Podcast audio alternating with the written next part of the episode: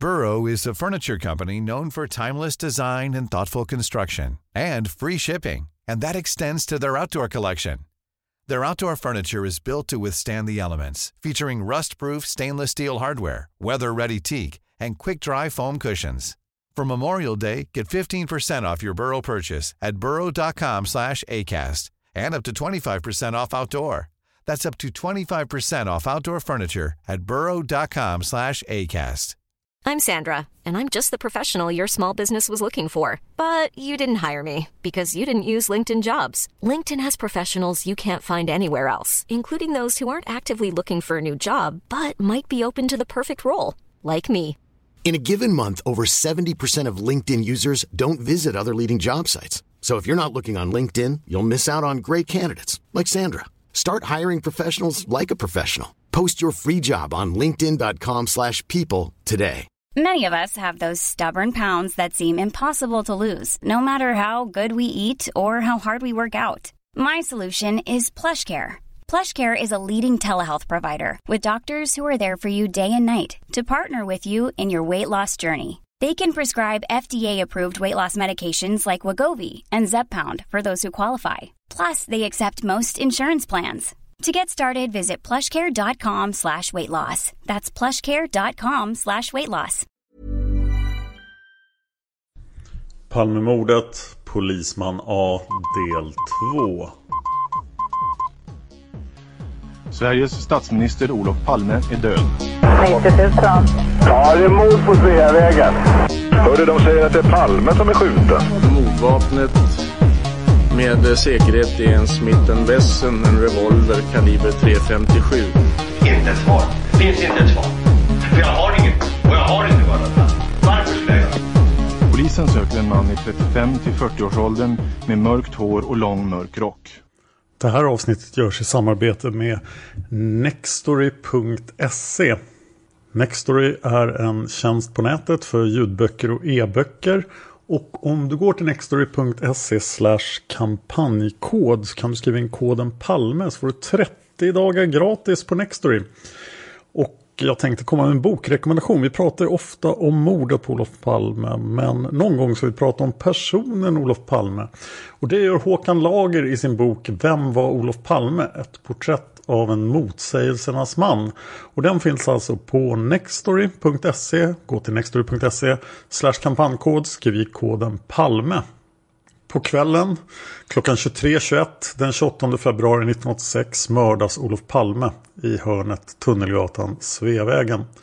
Polisman A ligger hemma sjukskriven. Han berättar själv för en reporter från kanalen 1989 att han varit ensam hemma under den sena kvällen och natten och mått dåligt efter sin blindtarmsoperation då i förra avsnittet. Han berättar också att han gett sig hem från sjukhuset utan att vara återställd och det berodde enligt honom själv på att han inte stått ut med att ligga på allmän sal. Polisman A anger alltså själv att han inte har annat alibi än sitt hälsotillstånd. Men trots det kommer hans alibi godkännas vid flera tillfällen av både Palmeutredningen och Säpo. Nästa dag, halv tio på morgonen, utvidgas avspärrningen runt mordplatsen. En av poliserna som är på plats och gör det är Per-Ola K, tidigare polisman As adept och senare livvakt åt Ebbe Karlsson. Mina källor den här gången är samma som förra gången, det vill säga granskningskonspirationens ra rapport. Sa jag granskningskonspirationen? Granskningskommissionens rapport. Eh, två böcker av Gunnar Wall, nämligen Mörkläggning och Konspiration Olof Palme. Lars Borgnäs bok En iskall vind drog genom Sverige. Bröderna Potjärnens bok Inuti labyrinten. Och eh, program gjorda av eh, Sveriges Radios programkanalen. Och nu citerar jag granskningskommissionen som säger om den 10 mars 1986. Polisman A har varit aktuell i utredningen i ett antal omgångar. Den första påbörjades efter ett anonymt tips den 10 mars 1986 från en person som uppgav sig vara tidigare kamrat med A. Enligt tipsaren innehade polisman A en Magnumrevolver. Han var motståndare till Socialdemokratiska partiet samt hade under skoltiden varit intresserad av kriget och nazismen. Det är troligt att utredningen då initierades även utifrån allmänna kunskaper inom polisen om polisman As person. Utredningen avslutades rätt snart med ett beslut om att uppslaget skulle läggas ad acta. beslutet är icke-daterat och en påminnelse då när någonting läggs ad acta så betyder det att man inte utreder det vidare förrän det finns något skäl att göra det. Granskningskommissionen fortsätter och säger att den 24 mars, notera den 24 mars 1986, säger granskningskommissionen följande. Beträffande hälsotillstånd och alibi finns en den 24 mars 1986 daterad promemoria från Säkerhetspolisen med följande innehåll. Enligt en säker och tillförlitlig källa, vilken önskar vara anonym, har följande inhämtats rörande polisman A. Polisman A lades in med sprucken blindtarm den 21 eller den 22 februari 1986. Den 26 mars besöktes polisman A och han var då ej i kondition att ens klä på sig själv. Även den 27 mars besöktes polisman A och vid detta tillfälle iakttogs att han knappt var kapabel att gå själv. Den 28 februari skrevs han ut på egen begäran då han inte trivdes. Polisman A var placerad i en sal med tre äldre män. Polisman A är sjukskriven till den 1 april 1986. Och notera då att den pratar om den 26 mars och den 27 mars trots att den är skriven den 24 mars. Så granskningskommissionen fortsätter. Troligen rör det sig om felskrivningar när besöken dateras till den 26 och 27 mars. Inte minst med tanke på att promemorian är daterad den 24 mars. Antagligen avses den 26 och 27 februari. Denna promemoria finns inte i Säkerhetspolisens akt om polisman A. Som vi kommer att återkomma till. Granskningskommissionen fortsätter. Från denna tid finns även en kort promemoria om polisman A's vapen och vapenhandel. Det tog emellertid vara utredningen kring hälsotillståndet som föranledde det odaterade avskrivningsbeslut som antecknas på ursprungstipset från den 10 mars och undertecknas av Per-Göran Ness vid Säpo. Beslut. Då verkställd utredning visat att polisman A 1986 02 21 till 28 varit intagen på sjukhus för bukoperation och vid utskrivningen ej varit återställd ska vidare åtgärder i saken ej vidtagas då misstanke om brott ej föreligger.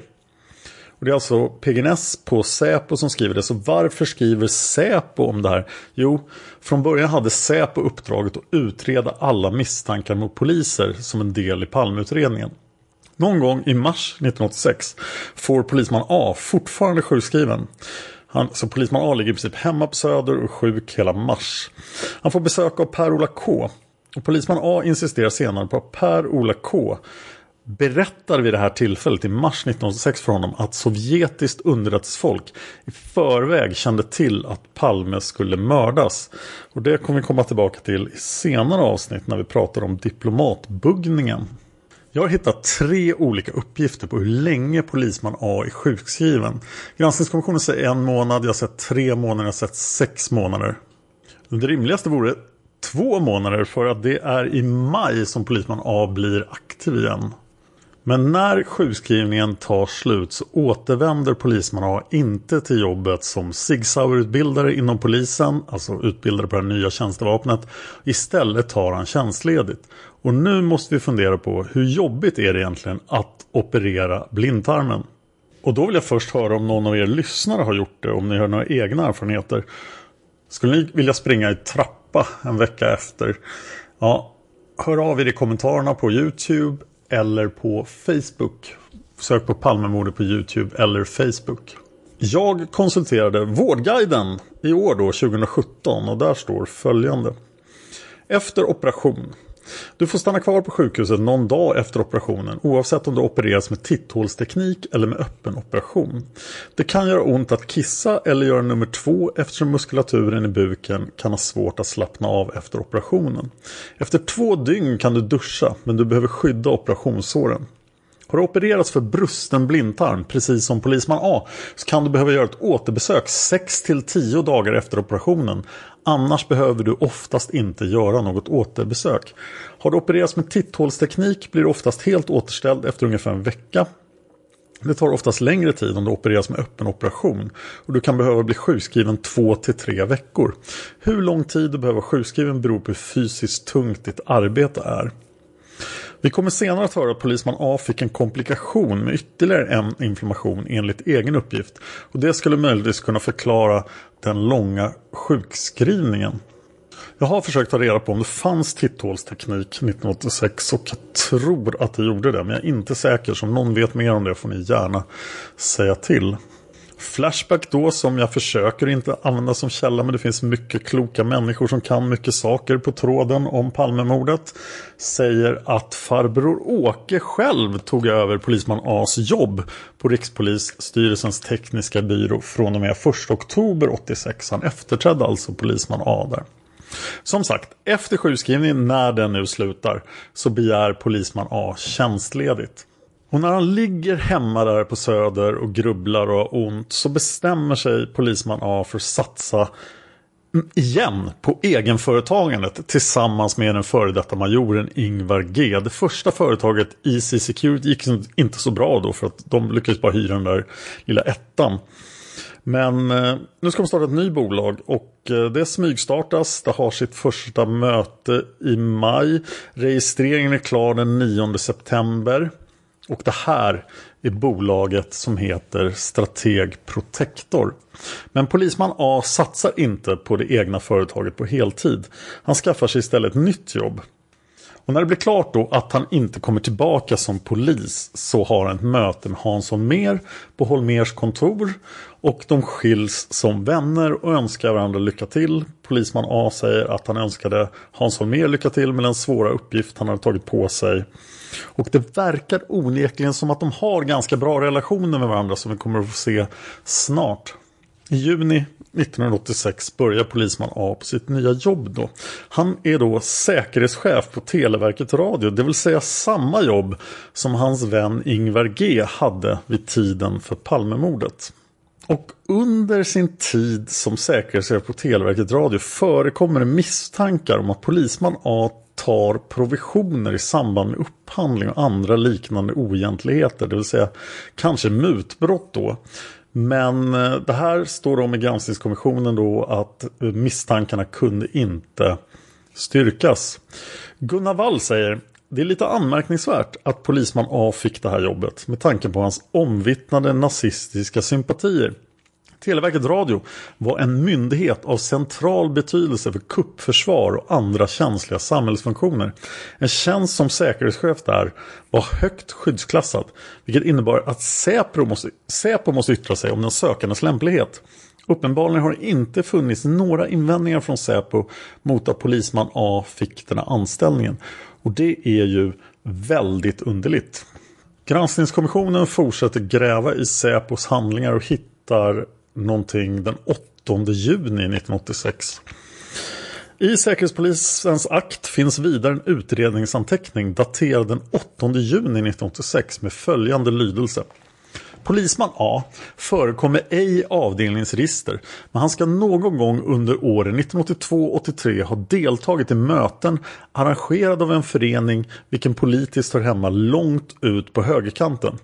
Föreningen består av poliser och en åklagare och den leds av en person vilken har karaktäriserats som nazistsympatisör. Men det kan ej påstås att hela föreningen som sådan är nazistisk. Ann L känner en kollega vilken i sin tur känner polisman A och även besökte denne på sjukhus den 27 andra 1986 då polisman A opereras för blindtarmsinfektion och enligt uppgiftslämnaren skulle skrivas ut från sjukhuset den 28 andra. I juni 1986 kommer en tips från en uppgiftslämnare som hade besökt polisman As hem och då iakttagit bland annat en hel del vapen. En uppgiftslämnare berättade vid ett förhör i juni 1986 om ett besök i polisman As hem som han gjort å yrkets vägnar. Bland diverse uppslagna böcker fanns Mein Kampf av Adolf Hitler. Bostaden var särpräglad. Under ett följande besök gjorde polisman A utfall mot Olof Palme. Uppgiftslämnaren beskrev polisman A som helt oberäknelig.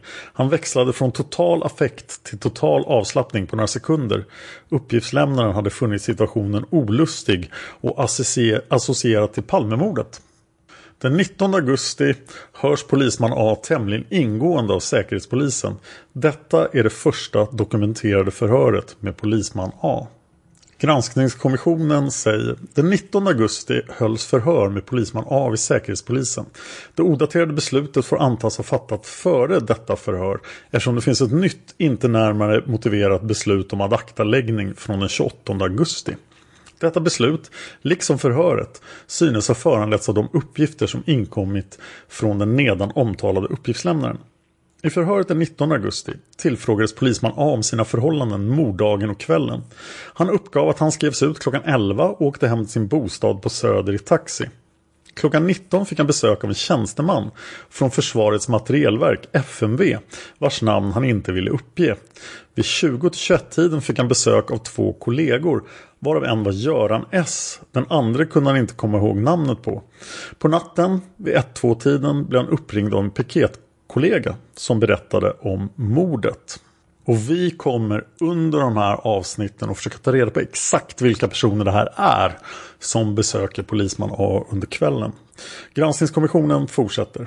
Polisen synes ha tagit fasta på uppgifterna om vapen. Polisman A fick frågor om dessa i förhöret den 19 augusti 1986. Han uppgav att han hade haft alla sina vapen i behåll på morddagen, inget var utlånat. I juni 1986 hade han besökts av några poliser i anledning av ansökan om vapenlicens. Därvid hade hans vapensamling inventerats. Kort senare lades uppslaget ånyo ad acta. I ett beslut den 28 augusti 1986 anför Per-Göran Ness vid Säpo. Inkomna uppgifter om polisman A's vapeninnehav föranleder ej vidare åtgärd då verkställd utredning visat att polisman A kan avföras från utredningen.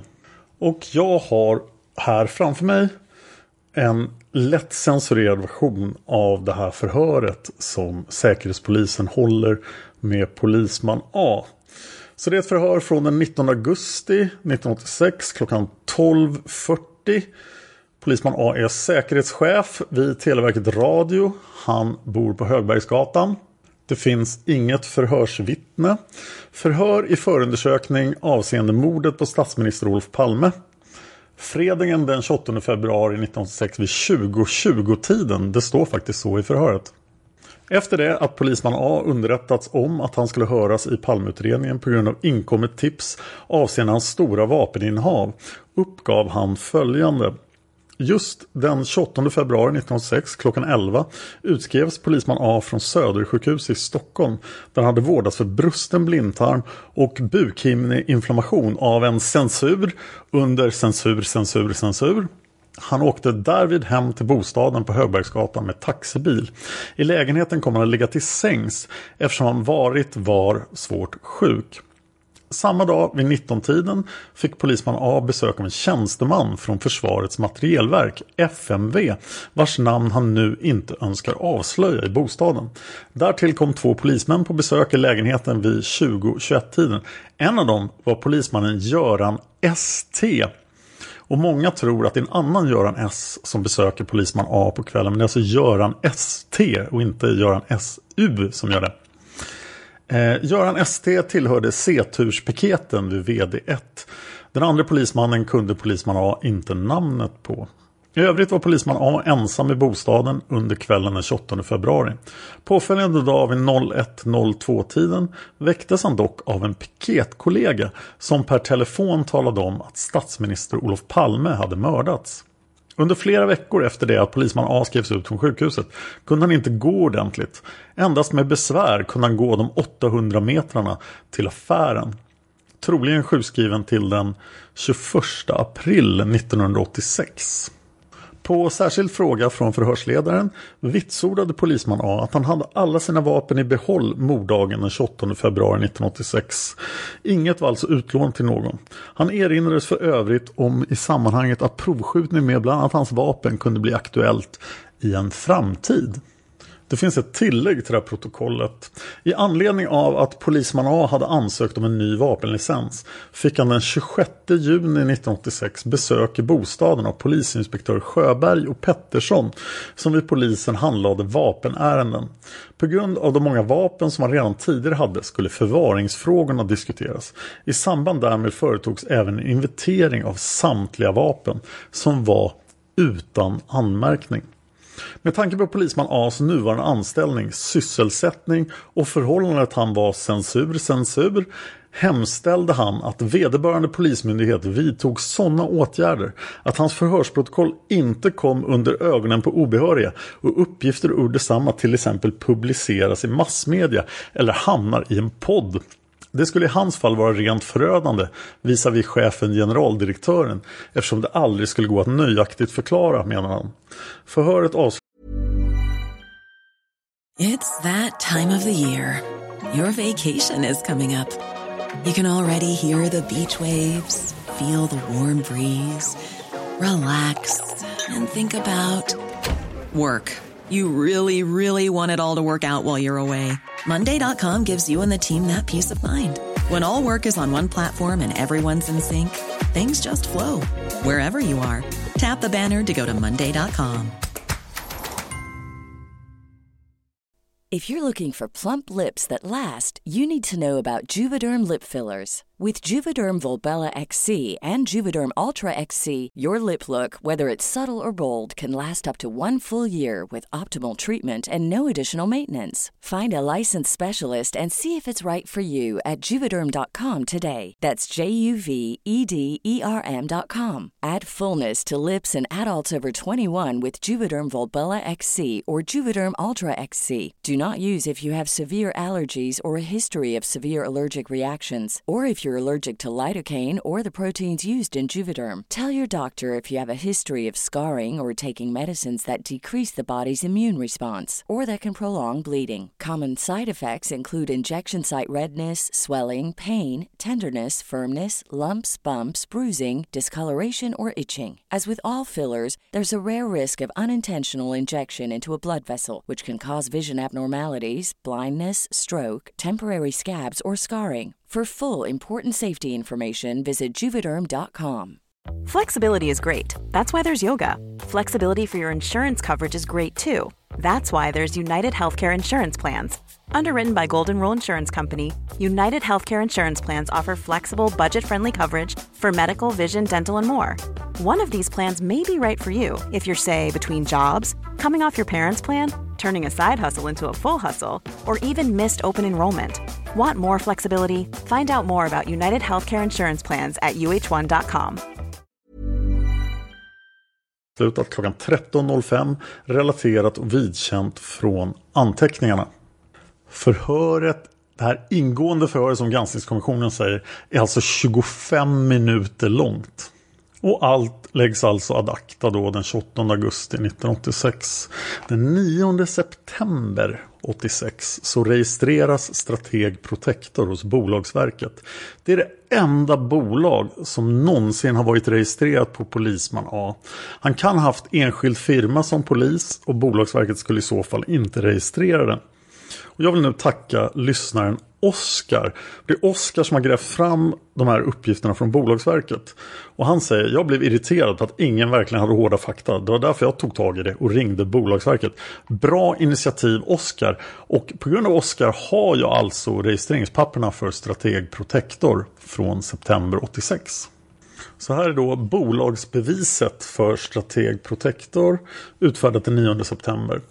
Strateg Protector Aktiebolag, postadress Bondegatan 29 i Stockholm. Men sätet är i Göteborgs Bohuslän i Munkedal kommun. Aktiekapital 50 000 kronor precis som idag. Det var ett tag 100 000 men nu är det 50.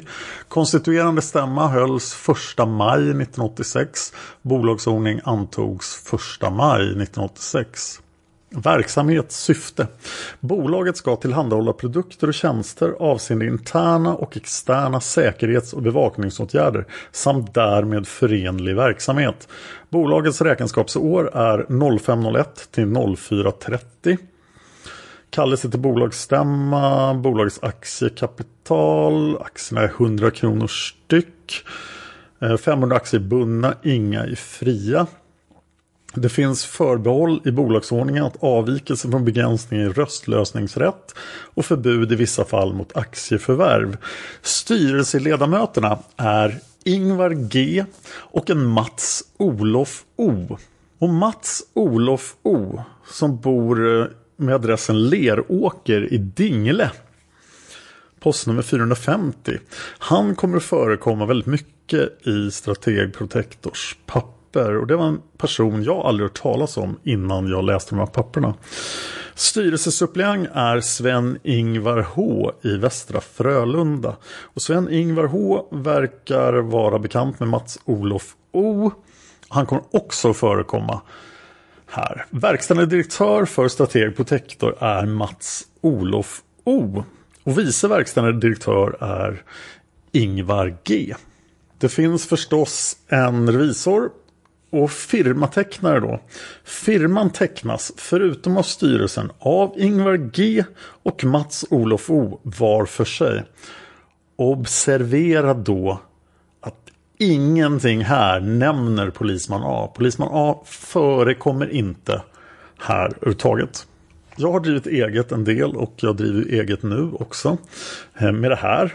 Men det här ser för mig ut precis som att två vänner, Ingvar G och Mats Olof O, har startat det här företaget. Den ena blir styrelseordförande, den andra blir verkställande direktör. Och sen är Sven-Ingvar H då inblandad lite grann. Men som sagt, står ingenting alls om polisman A. Men det kommer att gå mycket bättre för Strateg Protector än vad det gjorde för Polisman A's förra företag EC Security. För de får sin första kund. Och nu vill jag citera Konspiration Olof Palme av Gunnar Wall. Och vi kommer in mitt i ett resonemang om Hans Holmers livvakter. Eh, beslutet fick med tiden hård kritik internt inom polisen.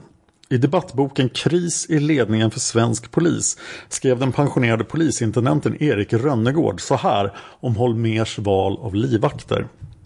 De valde han ur en grupp poliser där det fanns starka inslag av Palmefientlighet och nazistisk ideologi.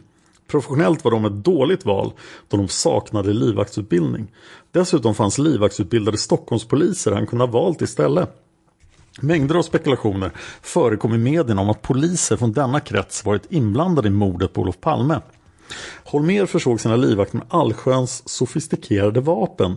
Vapen som förmedlades som en före detta polis, känd för Palmefientlighet och nazistiska åsikter.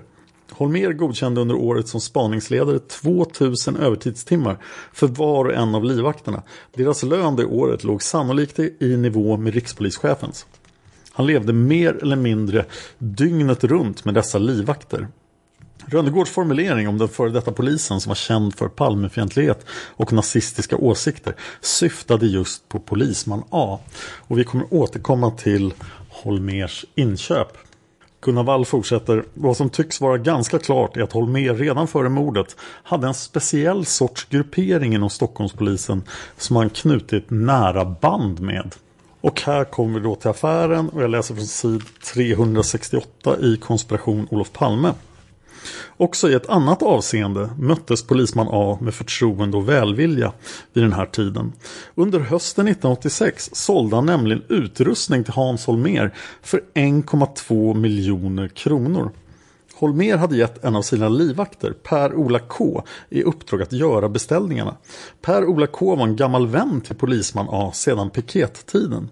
I affärshandlingar som senare kom fram visade sig att Per-Ola hade gått under den välklingande titeln First Equipment Officer, materiellchef åt spaningsledaren. Och i den positionen hade han helt vid sidan av polisens normala inköpsorganisation gjort ett antal mer eller mindre märkliga beställningar. Samtliga från polisman A's företag Strateg Protector. Men vad var det då Holmer och Per-Ola K köpte? Den dyraste posten, mer än 620 000 kronor, gällde installationen av pansarglas i Palmerummet. Annat som inhandlades var frekvenshoppande walkie-talkies av en typ som användes av CIA och FBI och som inte kunde avlyssnas. Truckfinders, signalsändare som kunde fästas på en person eller en bil och till exempel användas vid skuggningar. Skottsäkra västar samt slutligen och mest spektakulärt fem k-pistar åt livvakterna. En av dem var inbyggd i en dokumentportfölj och hade avtryckare i bärhandtaget.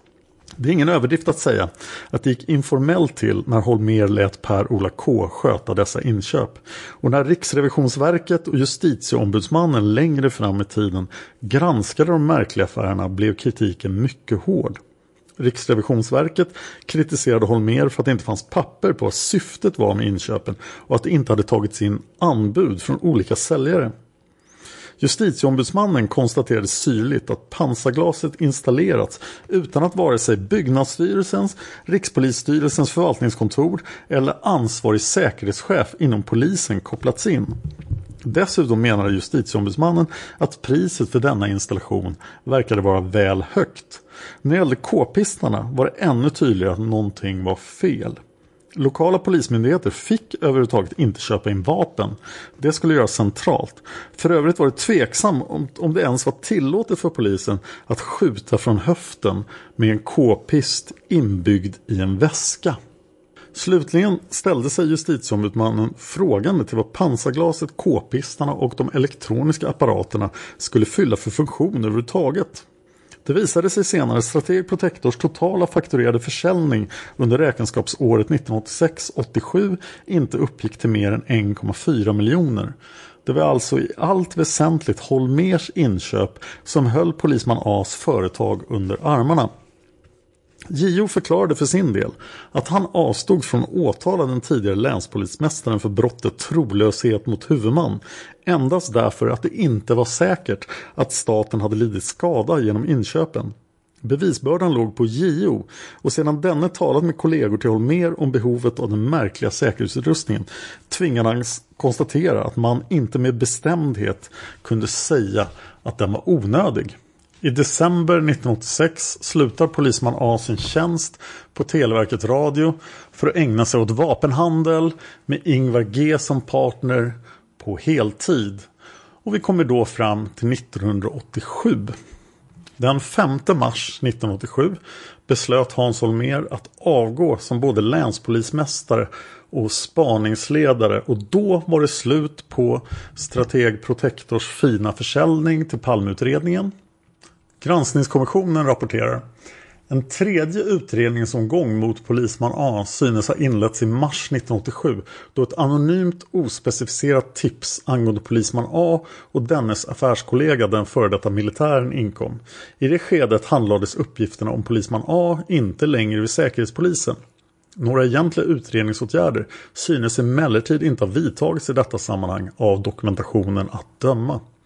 I mars 1987 inkom ett anonymt tips angående polisman A och den före detta militären och det föranledde viss ny utredning. Det gjordes denna gång vid Rikskriminalen och berörde de bägge utpekade och deras vapenhandel.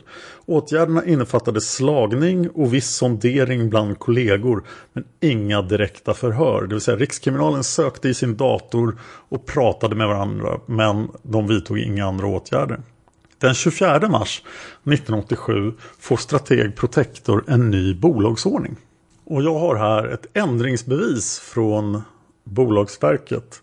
För Strateg Protector aktiebolag postades fortfarande på Bondegatan men sätet är flyttat till Stockholms län, Stockholms kommun. Ny bolagsordning antagen 3 januari 1987. Nytt säte. Eh, styrelseledamöter. Ingvar G. Bara. Styrelsesuppleant Polisman A Verkställande direktör Polisman A Vice verkställande direktör Ingvar G Firmatecknare. Firman tecknas av styrelsen. Dessutom har verkställande direktören enligt eh, 8 kapitlet 12 paragrafen i aktiebolagslagen rätt att teckna firman beträffande löpande förvaltningsåtgärder. Och eftersom styrelsen bara är Ingvar G så är det Ingvar G som bestämmer det här bolaget. Men polisman A har rätt att ja, göra löpande förvaltningsåtgärder. De två andra personerna är borta ur bolaget men de kommer att komma tillbaka. Någon gång efter mordet och efter sin sjukskrivning och jag tror att det är 1987 så flyttar polisman A från Söder till Kungsholmen. Nämligen till Alströmergatan. Och Lars Borgnäs har hittat en kvinna som bodde i det här huset på mordkvällen och säger sig ha hört morsesignaler från vinden på mordnatten. Och den här vinden byggdes då om till en lägenhet som polisman A flyttar till. Han flyttar alltså exakt till den här vinden som morsesignalerna hördes ifrån på mordnatten. Och jag tror att polisman A tillbringar hela 1987 helt enkelt med att göra vapenaffärer och försöka få igång firman ordentligt nu eftersom de ju har förlorat sin största och bästa kund Hans Holmer och Palmeutredningen. Men det händer inte så mycket mer som är dokumenterat 1987 förutom att Strateg Protector byter adress den 11 november till Danviks Center i Nacka. Det blir 1988 och vi närmar oss Ebbe Carlsson-affären. Ebbe Carlsson-affären är en väldigt komplicerad affär. Men det här drar då igång någon gång och eh, polisman A blir inblandad i början av april. Kanske på annandag påsk.